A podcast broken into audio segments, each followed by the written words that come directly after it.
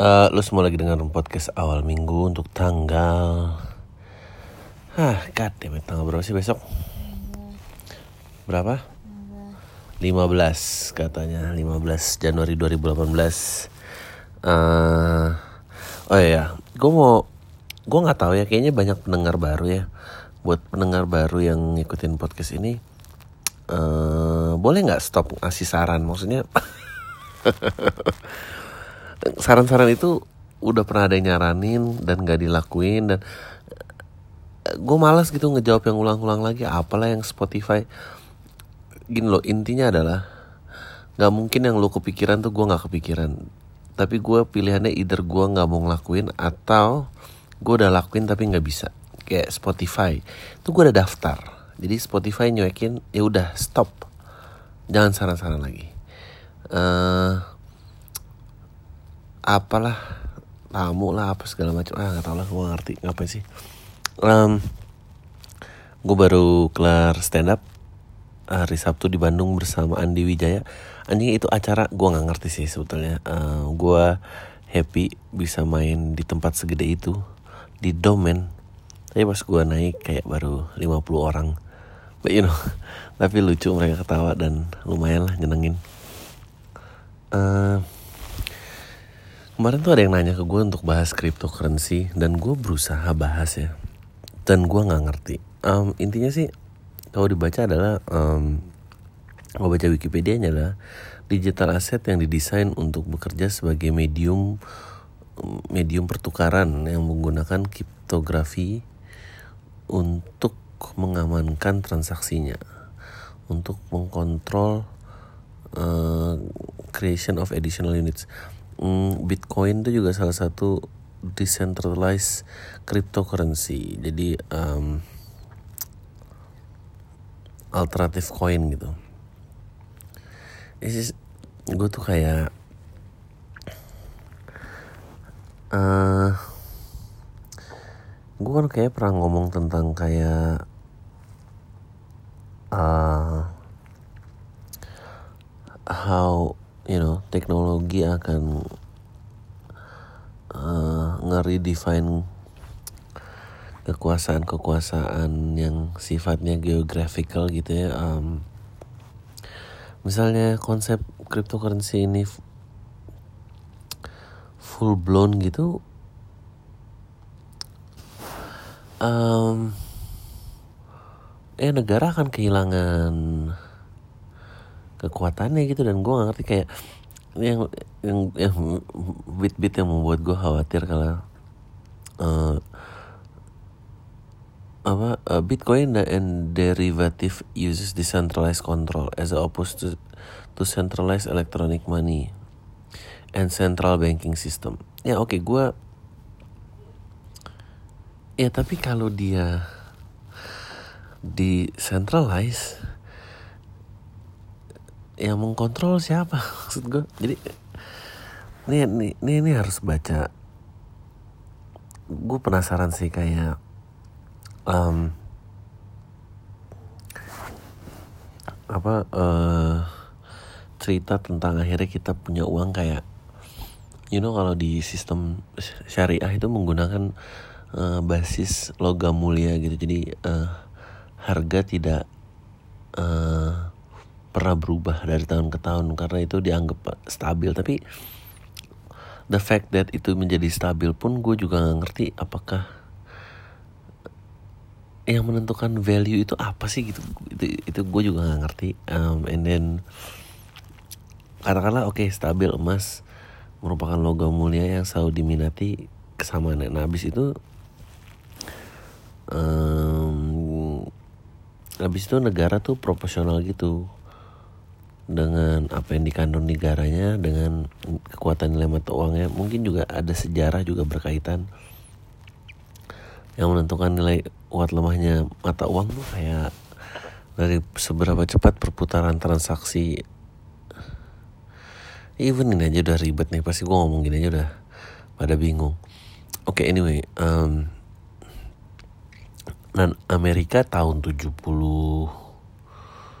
berapa gitu 73 atau 77 kalau nggak salah uh, mereka melepas uh, nilai emas uh, nilai emas apa namanya dalam mata uangnya gitu. Dan ya udah mereka 100% menggantungkan diri uh, terhadap hukum supply and demand gitu. Jadi sementara pada saat demand menggunakan dolar itu tinggi maksudnya ya demand menggunakan dolar itu tinggi lo tau kan hukum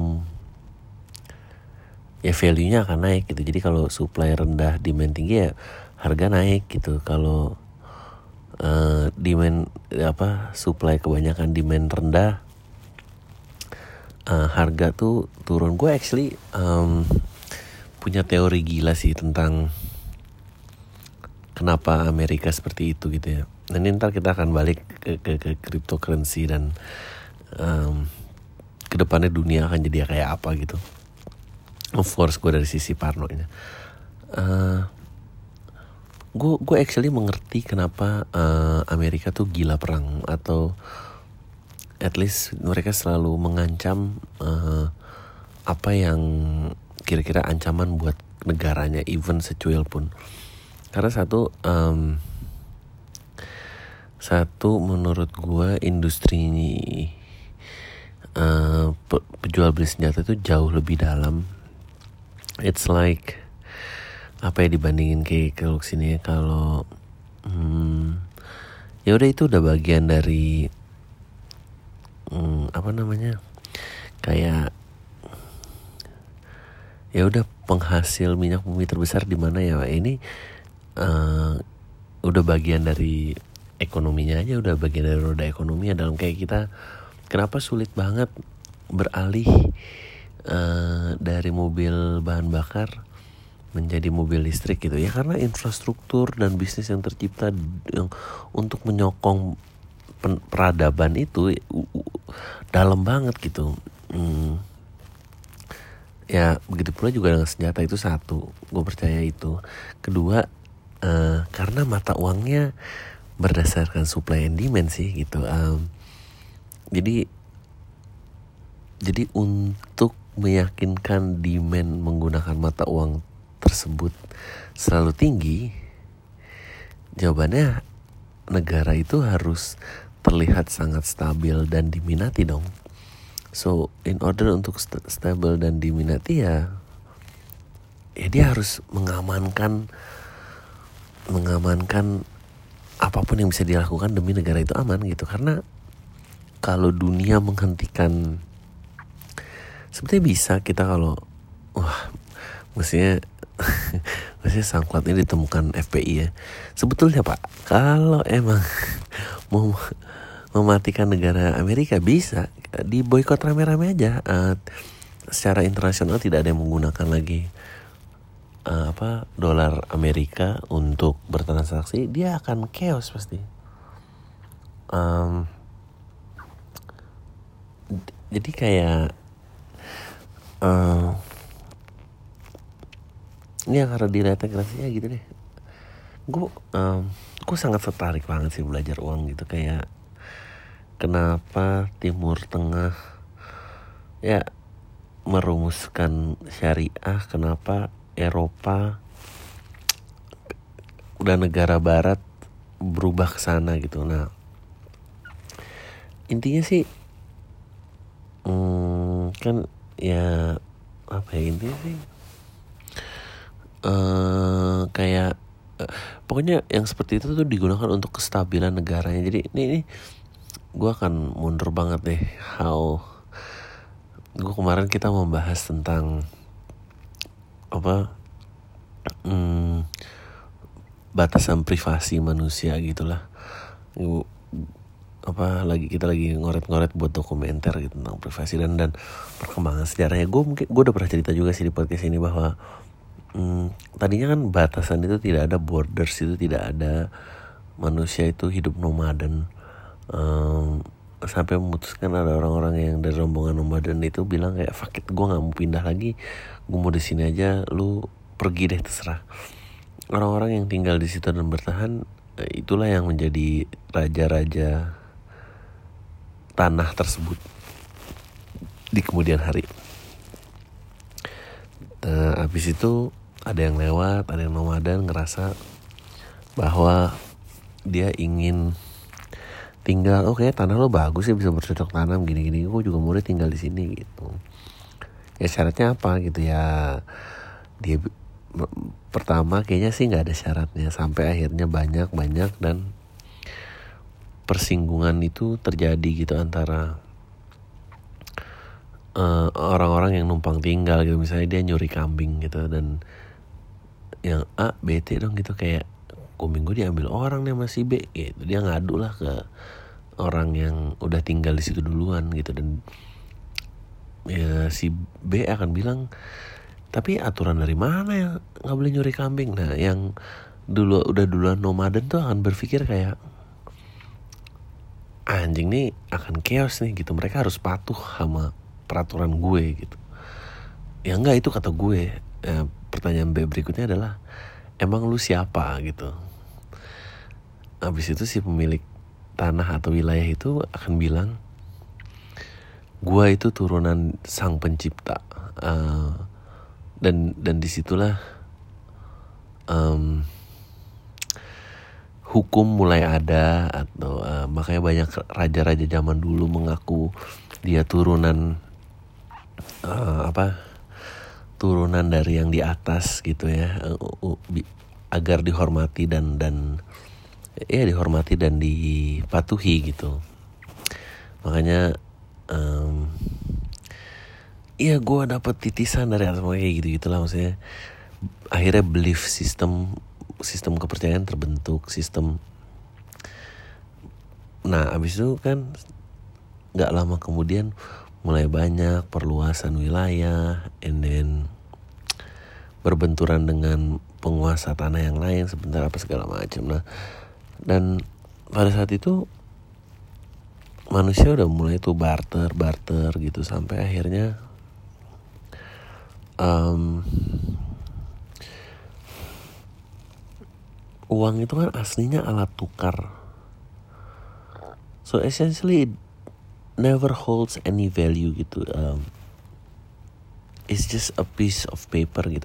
Unless um, sistemnya syariah ya maksudnya.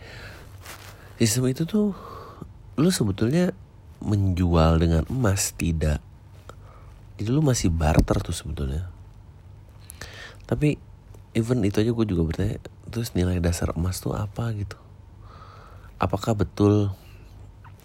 Banyak banget loh hal-hal yang kita tahu uh, berharga karena terbatas tapi ternyata nggak ada batasannya.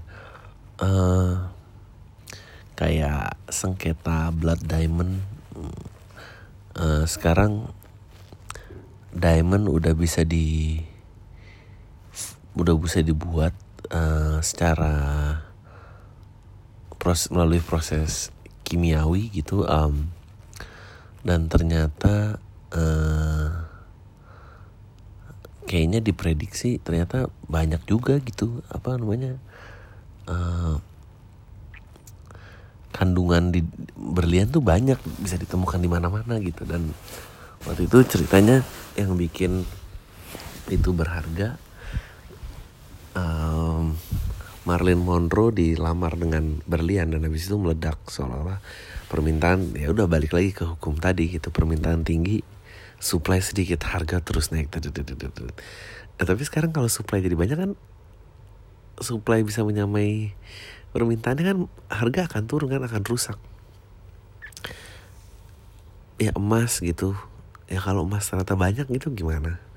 Terus kalau misalnya terbatas kita bukan yang mestinya mencari alternatif lain deh sebagai pembayaran. Anyway. Anyway abis itu kan uang ditemukan nih. Uh, uang itu dibuat oleh negara gitu disahkan oleh negara memiliki ada ada beda-beda ada yang memiliki memakai kandungan uh, logam mulia ada yang enggak atau ada yang berapa persen berapa persen gue juga gak ngerti. Nah itu diatur nih oleh negara untuk manusia nih uh, apa jual beli gitu. Gue udah nggak barter gue jual beli gitu. Akhirnya bisa ada usaha ekonomi apa segala macam tumbuh lah nah si crypto currency ini gue gue nggak kebayang sih kayak kalau emang bisa menemukan suatu sistem uang yang tidak sentralisasi terus yang ngatur siapa gitu itu sih pertanyaan gue yang ngatur pasti kan harus ada yang ngatur dong harus bermuara ke satu tempat gitu terus kalau tidak ada yang diatur perhitungan value itu apa gitu? Maksudnya it, itu sih yang yang gue bikin tanda tanya besar. Dan sekali lagi gitu uh,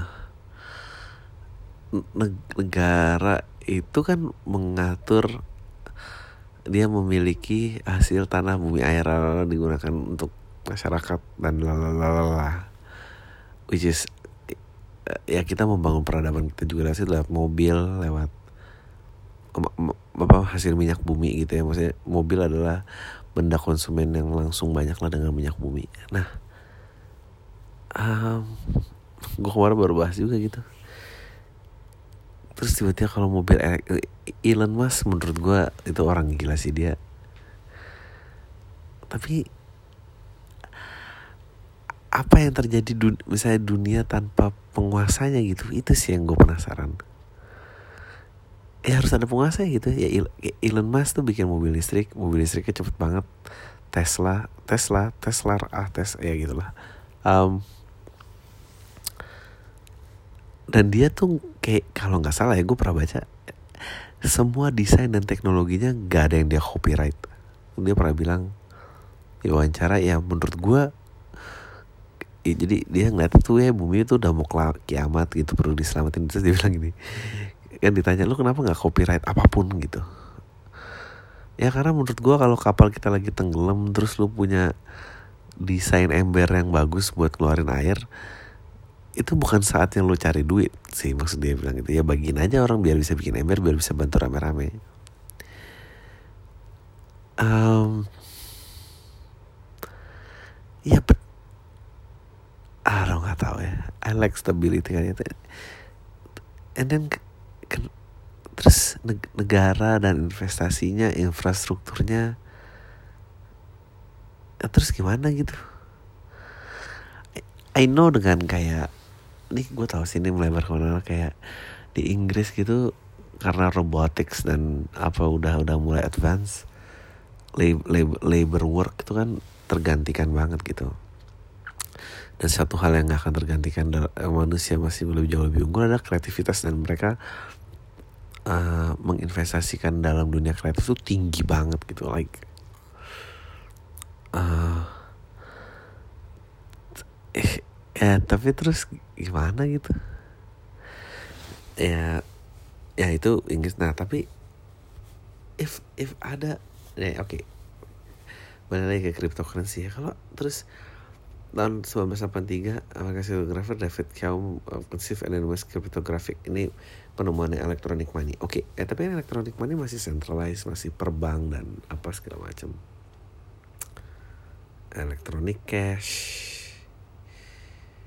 Kayak waktu Elon Musk bikin PayPal aja itu kan gara-gara banyak verifikasi kredit card yang nggak bisa di dilakuin. Terus dia bikin sebuah benda baru yang kayak misalnya ya udah menjamin kemudahan transaksi biar dia bisa verify kredit cardnya untuk itu gitu. Nah tadinya kan kalau nggak ada PayPal kan uh, layanan itu harus disediakan oleh penjualnya tersebut. Itu aja menurut gue itu aja udah. Ini orang gila banget ya bikin kayak gini. Dia udah mendesentralisasi kredit card itu nah terus kalau ada yang mendesentralisasi currency anjing kayak apa sih? Ya bit ya. Tahu kan dan masih pasti dan pasti cuma bisa ditahan pengembangannya masuk ke negara adalah legal statusnya. Jadi dia juga bilang itu banyak yang bermasalah gitu. Efek eh okay, gue cek nih legal status of cryptocurrency varies substantially from country to country and it is still under fine and changing in many of them while in some countries have explicitly allowed their use and trade. Oh okay. And others have banned and restricted. Likewise various government agencies departments and courts have classified bitcoins differently. China Central Bank. Oh, ini pasti China nggak mau nih gitu ban the handling bitcoins by financial institution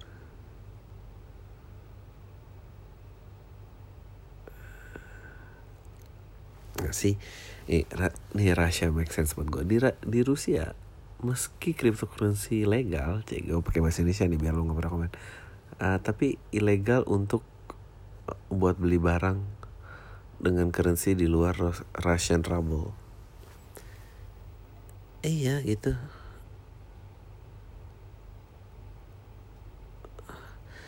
Anjing gimana ya? Tapi gue juga tidak percaya uh, ada desentralisasi kekuatan ada di pegang orang dan segala macam itu pasti ada ruler ya. Gue gue tuh nggak tahu mana yang lebih mengerikan gitu di rule di rule negara yang absolut atau di rule oleh private sector yang absolut gitu. Kayak kemarin gue nyambung ya gitu uh, karena kasus penistaan terhadap komika lagi banyak um, lo mau tahu teori ini ya nggak? Teori uh, apa namanya? Teori teori apa namanya? Propagandanya nih gue ceritain ya. Tapi lo nggak boleh sebar-sebar. Lo coba dapet di sini di mana lagi selain di podcast anyway um, ceritanya tuh Facebook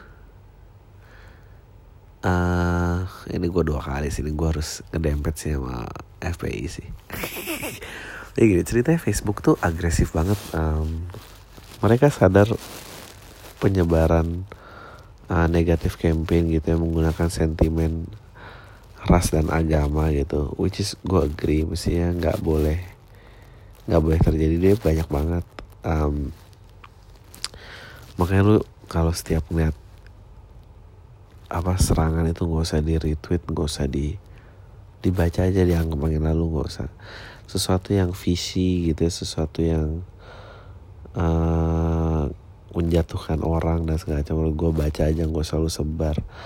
Karena lo nggak tahu perperangan di balik itu. Anyway ceritanya adalah uh, Facebook banyak banget tuh ngeban pergerakan mereka. Ini mati itu mati itu mati. Semua mati lah. Nah habis itu nggak lama keluarkan narasi di mana mereka bilang oke okay, kita akan buat sosial media sendiri dan kita nggak akan ini karena inilah bentuk langkah awal kita melawan imperialisme Amerika orang apa mereka ngeputar kayak gitu. Oke okay, mereka terus jalanin kayaknya. Kayaknya mereka ngejalanin tapi tapi sepi gitu tapi sepi nggak mencapai reach yang diinginkan. Ya iyalah sepi like maksudnya kayak dulu ada Friendster gitu sebagai sosial media platform gitu um,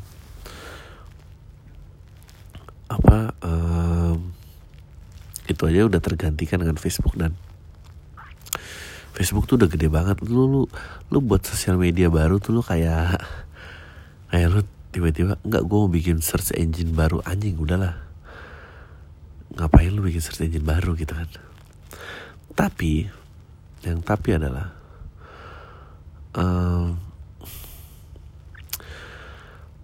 uh, abis itu nggak bisa viral. Nah abis itu uh, mereka mulai cari cara. Nah salah satunya yang dicari cara adalah karena komika ini mempunyai sosial media presence yang sangat besar mereka berusaha memviralkan diri lagi lewat situ. Tapi ya untungnya I think stand up punya komunitas paling the best lah.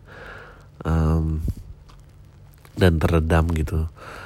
Jadi dia mau dia dalam usahanya untuk kembali untuk viral gitu. Nah sebetulnya yang menjadi pertanyaan gue adalah di era kebebasan berpendapat ini Facebook itu siapa? Menentukan absolut ini boleh disebar dan ini tidak boleh disebar itu sih. Yang terus mengawasi itu siapa? Nah hal-hal kayak gini tuh yang yang membuat gue freak out tentang teknologi gitu. Kayak cryptocurrency. Oke okay, jebret nih penguasaan negara terhadap uang itu di challenge nah terus yang men-challenge itu siapa? Private negara koalisi semua negara apa gitu jawabannya? You remember when uh, pokoknya Google nggak salah Google search deh mati 10 menit atau apa gitu dan lu nggak bisa cari beritanya tentang kenapa Google mati gitu. Kan ya aneh gitu kan maksudnya kayak semua connected semua rely in one thing and then if that one thing itu nggak reliable dan nggak bisa di ya terus apa gitu? Yang kayak gitu-gitu tuh yang oh anyway ya lo uh, makanya harus nonton siaran uh, lo harus nonton lagi yang berlangganan Netflix lo nonton Manhunt you know you know Bomber. Kalau lo nggak nonton kalau lo Eh, nggak uh, ada Netflix uh, lu cari aja manifesto Ted Kaczynski. Manifesto Ted Kaczynski itu karena itu si Yuna bombernya itu.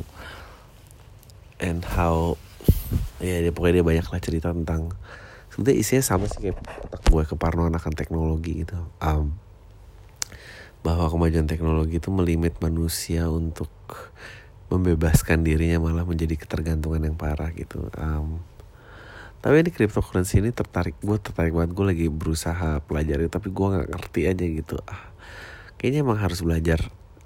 Gue harus narik teman gue yang orang banking. Dan um, ya untuk belajar lagi sih. Karena uang tuh menarik banget gitu. Kalau it means nothing why sebetulnya nggak ada meme ini gitu deh.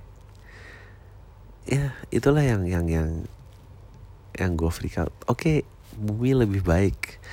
Katakanlah babat kita berhasil keluar dari adiksi minyak bumi. Mobil elektrik. Ya terus apa gitu? Apakah kompetisi itu ada gitu siapa gitu? Apa juara SMK mobil maksudnya mobil elektrik mau jebolan SMK mana mau nyaingin Elon Musk? Nggak nggak mungkin kan? There is no way man. Tapi orang itu emang juga gila gitu ada namanya uh, ini boring company atau apa gitu dia lagi berusaha bikin transportasi underground kalau nggak salah. Yang di jadi kalau kayak penerbangan di bawah seribu kilo dia pengen lebih cepat daripada Shinkansen tuh. Mana ke mana gitu titiknya beberapa masalah ah, kayak anjing nih orang benar-benar ya terus tapi apa gitu? I, I, gue sih benci sama negara gue maksudnya gue benci banget sama orang pemerintah gue benci banget sama orang politik. Tapi to believe in a individu atau atau atau swasta gitu. That is insane buat gue. Oh ini ya kemarin kita lagi bahas privacy juga kayak ada rekam jejak digital gitu. Terus siapa yang nge-on tuh siapa gitu. Gue gue tuh melihat polisinya Cina tentang sosial media menurut gue tuh bagus loh. Nggak tahu apa gue yang gila apa gimana gitu sebetulnya kita juga bisa tuh waktu itu kalau emang peduli kalau emang mau negara punya uh, mungkin itu yang kita telat sadarin gitu sebagai negara karena kita negara-negara yang masih muda banget gitu. Bahwa ya kita sibuk melihat masa lalu dan berusaha mengejar uh, apa yang menjadikan sebuah negara maju gitu tanpa melihat kemungkinan di masa depan apa gitu. Jadi kita masih ribet nyari bangun jalan uh, minyak bumi dan gas segala macam gitu. Uh, sementara itu ntar teknologi itu teknologi itu akan obsolete gitu. Dan negara dulu kan bisa terjaga karena negara menjaga wilayah geografisnya. Nah ternyata nah sekarang nih secara maya negara bisa menjaga penduduknya nggak? Itu itu loh yang gue kadang-kadang kayak apa memang selalu ada orang-orang yang kong kali kong terus jadi kayak ya boleh deh boleh dagang di sini karena you know. Udah kan bisa kan kayak Facebook sebelum penetrate ke sini. Oh dibikin aja sosial media sama orang kita gitu. Facebook ditahan nggak mau. Uh, tapi itu juga tapi itu juga senjata yang Amerika sih. Dia tuh sering banget melimit apa berusaha masuk dengan mengataskan demok nama atas nama demokrasi gitu. Kalau emang lu berdemokrasi lu mesti bebas memilih dong. Kan dia juga ada produk dari kita. Tapi kita nggak bisa bilang kayak ya karena mereka udah keren banget sih. Jadi apa pun yang diciptain sama negeri lu pasti lu bilang katro gitu. Uh, kayak semua klik lo di Facebook itu lo nggak tahu siapa yang pegang gitu. I mean isn't that ya tapi kita juga pemerintahnya iktp ditaruh luar negeri sih jadi ya sama aja gitu nggak ada yang peduli. Mungkin itu kali ya mesti mesti dilihat gitu sih kalau emang gue sih nggak I actually cannot imagine dunia tanpa negara gitu or dunia tanpa bentuk governance. Ini ini sebetulnya mau gue sambungin sih. Duh ini lagi seru topiknya. Tapi masih panjang sih. Ya kira-kira gitu lah Can you imagine a country without governance? Itu yang Scare the shit out of me. Dan teknologi merubah itu um, Ya gitu.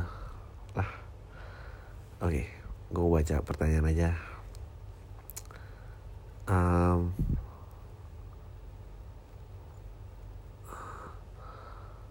Aduh ini yang AI ini gue juga belum sempat lihat lagi. Oke. okay. Oke,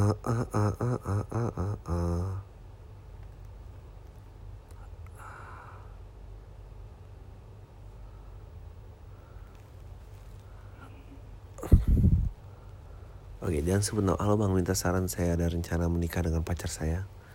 Kayak beda agama, udah dan dia mau pindah ke agama saya nas. Kita sudah siap untuk segala konsekuensi kalau memang harus dijauhi keluarga nggak masalah tapi yang masalah itu justru kalau keluarga besar ini malah ikut campur. Keluarga besar dia terutama saya nggak siap lah. Keluarga besar saya nggak suka ikut campur urusan keluarga saudaranya dan tinggal kami beda-beda kota jadi aman. Sementara pacar saya keluarga kumpul di satu kota urusan keluarga gampang sebar di keluarga besar. Jadi banyak yang rese mulai dari yang suka pinjam duit yang ngerasa berkuasa karena tajir yang datang ke keluarga cuma kalau oke. Okay. nah gimana bang? Cara menangkal ikut campur keluarga besar ini baik? Ya nggak bisa. Ya nggak bisa. Ya mungkin ini yang perlu persiapkan gitu either. Uh, ya nggak tahu sih gue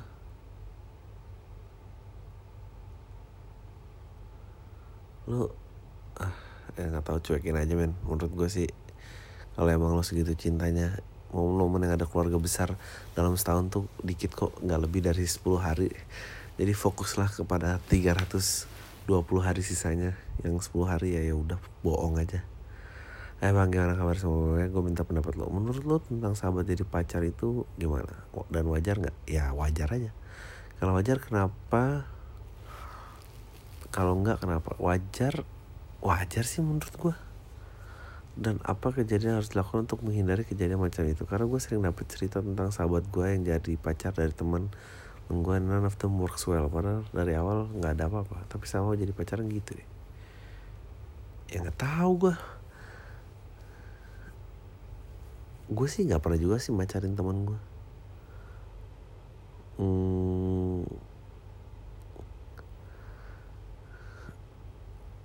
yang susah mungkin karena tuh sahabatan lu nggak ada ekspektasi kali. Kalau pacaran jadi mulai banyak tuntutan. Kita gitu ya sukses buat sahabat kali by the way orang email lo ke subjeknya apa sih? Bingung gua. Eh, nggak uh, ada. Subjeknya apa aja? Anyway. Halo Bang Adri, ini email kedua gue kemarin. Gue dengar cerita Bang Adri soal kehabisan saldo itol Gue juga kebenaran hari ini ngalamin hal yang sama dan ceritanya gue ke bandara Soekarno-Hatta itol gue habis dan gue rencana ngisi di Alfamart sekarang ke arah bandara. Ternyata di mesin Alfa lagi error gak bisa diisi ulang, ya emang tolol. Lalu gue sadar di sekitar itu gue gak ada Alfa atau Indomart lain gue tetap masuk tol dengan kondisi saldo kosong. Terus kepikiran buat cerita Bang Ari yang pernah telepon 14 10 80 buat info tol dan gue coba telepon nanya di gardu itu. Beberapa tol arah bandara bisa diisi ulang. Terus gue petugasnya di gardu 6 buat isi ulang. Oke gue cukup tenang karena gak perlu minjem kartu tamu gue antri di barisan gardu 6 ternyata pengisian saldo dipindah ke gardu 2 dan 3 emang tai ya bodo amat lah gue turun dari mobil. Kudu nyamperin gue tiga buat isi saldo mobil kan. Lain pada klakson klakson oke bang segitu aja. Maaf kalau kurang asik. Celah asik kali. Uh, uh, uh, uh, uh, uh. Uh, Oke. Okay. Halo bang. Uh, pasti minggu ini banyak yang ngasih email. Apa sih ini? Um, oh, email tentang kasus Joshua bang ngasih pandangan pribadi mungkin beda dengan yang lain nggak pandangan lu sama aja sih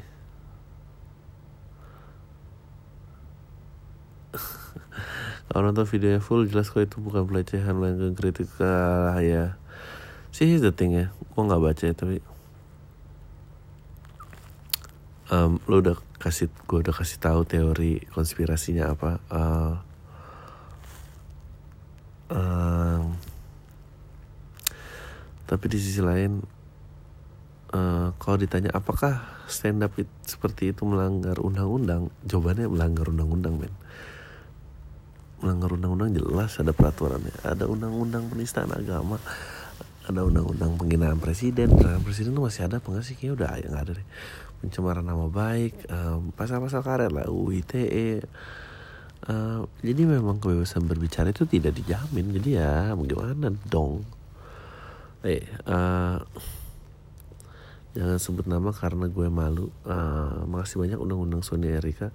Seneng banget dua orang kesukaan gue menyatu dalam satu podcast yang sama I never know Kak Sonia punya that side and I don't feel so alone anymore karena gue sendiri into fashion world untuk beauty blogging. Tapi gue malas dalamin karena malas lihat orang-orang pretentious di dunia fashion per beauty bloggeran. Tapi now I know karena Kak Sonia yang lingkungan kayak gitu ternyata skeptis juga. Udah gitu aja bang. Thank you.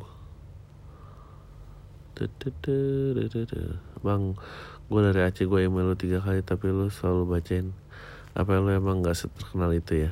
Oh ya bang gue lagi deketin cewek tapi berani ya lewat line. Aduh ngedeketin cewek lewat line aja mau ngatain gue gak terkenal. Malu men malu. Sebenarnya email pertama gue udah pernah gue cerita masih terus pas malam festival film gitu gue ngasih ketemu terus gue malu-malu. Dan gak berani ngomong. Sehabis dia twitter gue disindirin gitu sama doi. Karena berani cuma lewat chat menurut lo gimana? Lu cupu ya cupu ya gue. Emang cupu. Itu udah disindir gitu masih masih nggak berani juga. Beko pek dan sebutama gue cewek di Jakarta yang kuliah di luar Jawa uh, di luar kota sorry. 18 tahun jomblo. Banyak deketin tapi nggak pernah uh, nggak pernah jadi karena gue nggak bisa balas chat ya lo tau lah milenial gimana giliran ketemu diem ya emang. Nggak bisa banget gue sifat gue cuek kalau jawab chat Fred dan gue nggak suka balas uh, chat orang karena gue lebih suka ngobrol langsung. Gue teman sama cowok orang Jawa semakin hari dia deket. Gue biasa aja ke dia gue juga ngerasa dia biasa ke gue tapi dia baper bang dia sering ngekode. Tapi karena gue gak ngerti kode gue jawab cuek. Uh, gue nggak pernah sadar dan memperlakukan dia nggak lebih dari teman sampai akhirnya teman dia ada yang bilang kalau gue kalau gue kalau dia suka. Tapi dia sangat coward ke cewek. Gue nggak apa-apa sama dia yang coba dulu. Tapi caranya gue nggak balas itu kayak mempertahankan pride gue seolah nggak dikejar-kejar you know lah girls pride. Ini ya gue nggak ngerti sih yang kode-kode gini juga. Maksud gue gue lu mau nyoba tapi caranya gue nyoba uh, mestinya lu bilang aja ke temennya eh kalau emang ini ya yang bener aja gitu. Maksudnya ya ayo aja diperjelas ngapain sih? Kayak kucing-kucingan. Oke. Uh, just wanted to say hi, hope you and Ibu Kalbi always happy and healthy. Uh, di tengah hiruk pikuk dunia persilatan ini gue juga pengen gitu bang. Perkembangan peradaban berhenti sampai sini. Seperti roda dari zaman Flintstone udah bundar troli belanja. Dari tahun 37 sampai sekarang belum berubah bentuknya. Tersebarkan yang apa anda pikiran kami menyukai itu. Ini bahasa lo agak aneh ya did you translate your eh menyukai we like your thinking Bang, habis ini gue ada sidang kripsi, ajakin penghuni kolam tai, wish me good luck, bla bla Soalnya teman gue buat dimintain doanya nggak sampai lima ribu. Have a great weekdays, y'all. Good luck buat skripsinya. Bisa lah. Bang Adri rekomend film dong top 10 favoritnya Bang Adri. Hmm. Let's see, let's see if I can name this out of uh, di luar pikiran gue. I think uh, Memento. I think yang mas lu harus tonton ya Memento. Uh, Godfather. Ada 10 ya. Memento, Godfather. Uh, uh, lu harus nonton Wonder. Kemarin bagus. Uh, lu harus nonton Wonder ini. Oh, lu harus nonton Danggal. Formulaik lah film-film formulaik tapi bagus. Um, apa ya Danggal tuh film India by the way cerita tentang uh, atlet perempuan gulat per, atlet yang menangkan medali emas pertama kalau salah buat India. Um, lo harus nonton Interstellar eh Interstellar kan? Si itu oh ya. Lo harus nonton uh, apa tuh? Yang kotak lipat-lipat itu uh, Inception. Interstellar Inception uh,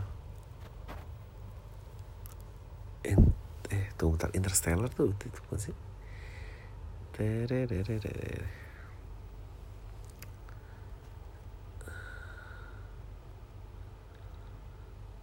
Interstellar ya lo harus nonton Interstellar uh,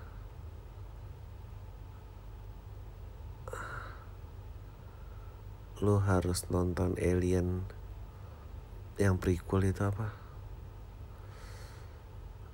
Uh,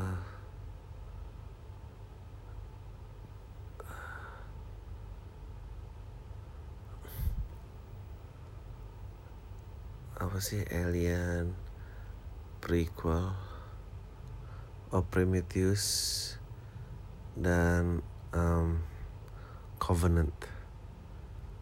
Uh, and then Interstellar tuh sequelnya prequelnya apa ya?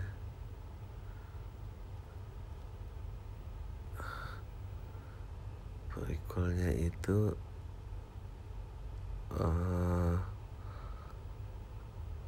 Matt Damon tuh apa ya? God damn it. Ya gitulah. Is that 10 already? Ya prequelnya nggak penting sih. Pokoknya Interstellar yang penting. And then lo harus nonton The Planet of the Apes terus apa ya trilogi itulah The Rise of the Planet of the Apes The War of apalah yang itu pokoknya The Fall The Rise The Fall The War ya Planet of the Apes I think you should watch. Um, hmm, let's see ya what else ya. Yang klasik, kalau lo mau klasik ya lo harus nonton Sounds of Music. Kalau mau yang lama banget, lo harus nonton. Uh, ya Christopher Nolan sih semuanya tuh makan aja sih. Interstellar, Memento, uh, Dunkirk, Inception tuh tonton semua babat. Um, tadi gue bilang apa Godfather. Uh, kalau komedi lo harus nonton When Harry Met Sally. You should watch When Harry Met Sally. Itu udah lama banget. And then um, Harry Met Sally. Uh, lo harus nonton Funny People. Uh, lo harus nonton God damn it. Ya Crazy Stupid Love. Lo harus nonton Crazy Stupid Love. Is that 10? Ya udahlah anggap aja lah 10 Oke okay, what else? Uh, Halo Bang Adri. Kalau bikin show lagi di Jakarta Cuma mengingetin aja buat upload video teaser gitu kadang. Kalau ngajak teman gue ada teasernya lu suka susah. Yang nonton stand up nggak ada Adriano Colby. Siapa tuh? Ada suka bikin podcast temen gue bingung podcast apaan. Lu pernah bilang nonton bukaan 8 atau Philcop 2 pernah. Terus ada yang rambutnya gondrong berewokan temen gue diem lagi. Dibanding kenalin lu siapa masih lebih gampang jelasin kenapa video Dewi Persik nyanyi zombie. Itu kocak temen-temen gue uh, bang padahal uh, viewersnya masih lebih dikit dibandingin jumlah video-video lo di YouTube. Ya meskipun lu jarang dapet dengar saran pendengar gue yakin lu bisa tampet tangan tiket seratus ribuan lu mau didengerin saran ini. Ya gue sebetulnya actually money gue gue tuh sebetulnya kekurangan SDM untuk mikir-mikirin kayak gini dan dan dan siapa yang mau ngeditin sih itu aja. Dong tolong tiruin lo waktu masih zaman suka temperamental gitu dong bang waktu lo suka ngulang-ngulang kalimat kalau lagi marah kalau jadi dosen di kelas gue gue pasti bakal bikin ulah tuh supaya lu denger lu marah-marah. Makasih abang. Ditunggu serial iFlix dan Love for Sale ya. semoga produser yang nggak nomok santai. Um, oke okay, I think I think should we close with this one? Tuh gue ada lagi nggak ya? Uh, cara ah uh, gue tuh dulu sering gue dulu zaman gue marah-marah gue tuh sering kayak gini. Kayak kalimat yang sama tapi gue ulang-ulang gitu aja kayak ini zaman gue dulu sering marah gini kayak um, ya gimana sih? Udah tahu mau pergi jam 5 bukan siap-siap dari jam 3 ya telat dong nontonnya. Ya gimana nggak mau telat coba? Kenapa nggak siap-siap dari jam 3 kan filmnya jam 5 makanya siap-siap dong dari jam 3 kalau nggak ya telat nonton jam 5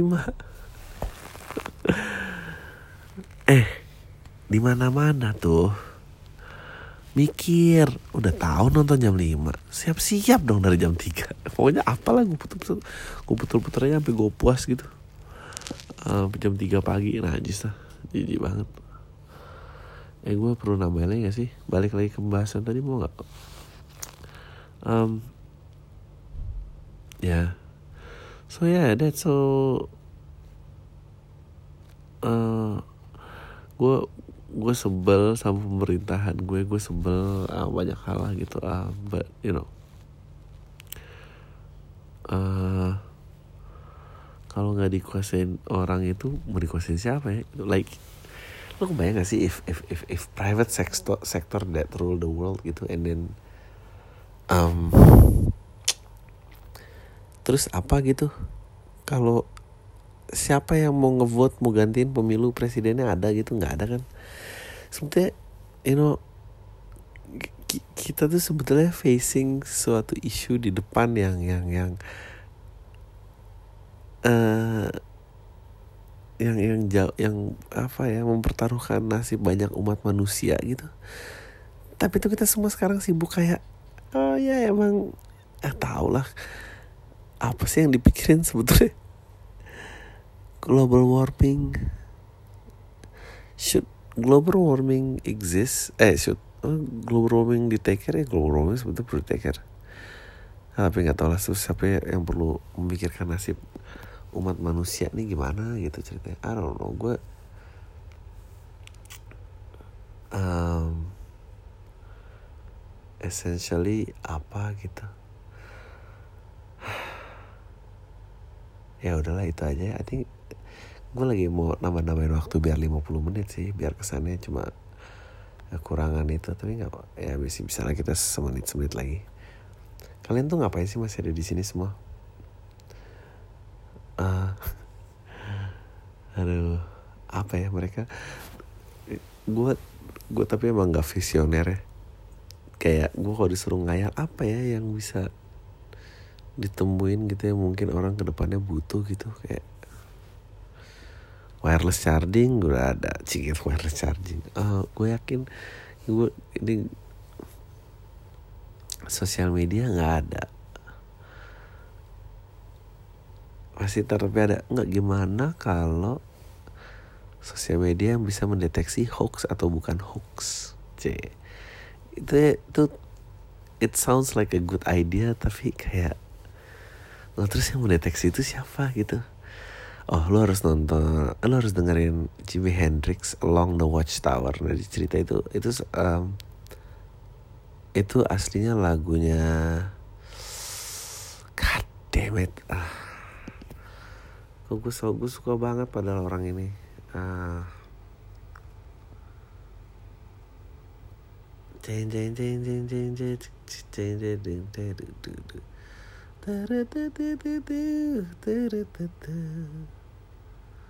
um, dia lagu Jimi Hendrix tapi penulisnya itu Bob Dylan. Um, itu cerita tentang kayak oke okay, dia ngawasin kita tapi sebetulnya ngawasin dia siapa ya gitu like very philosophical deep shit.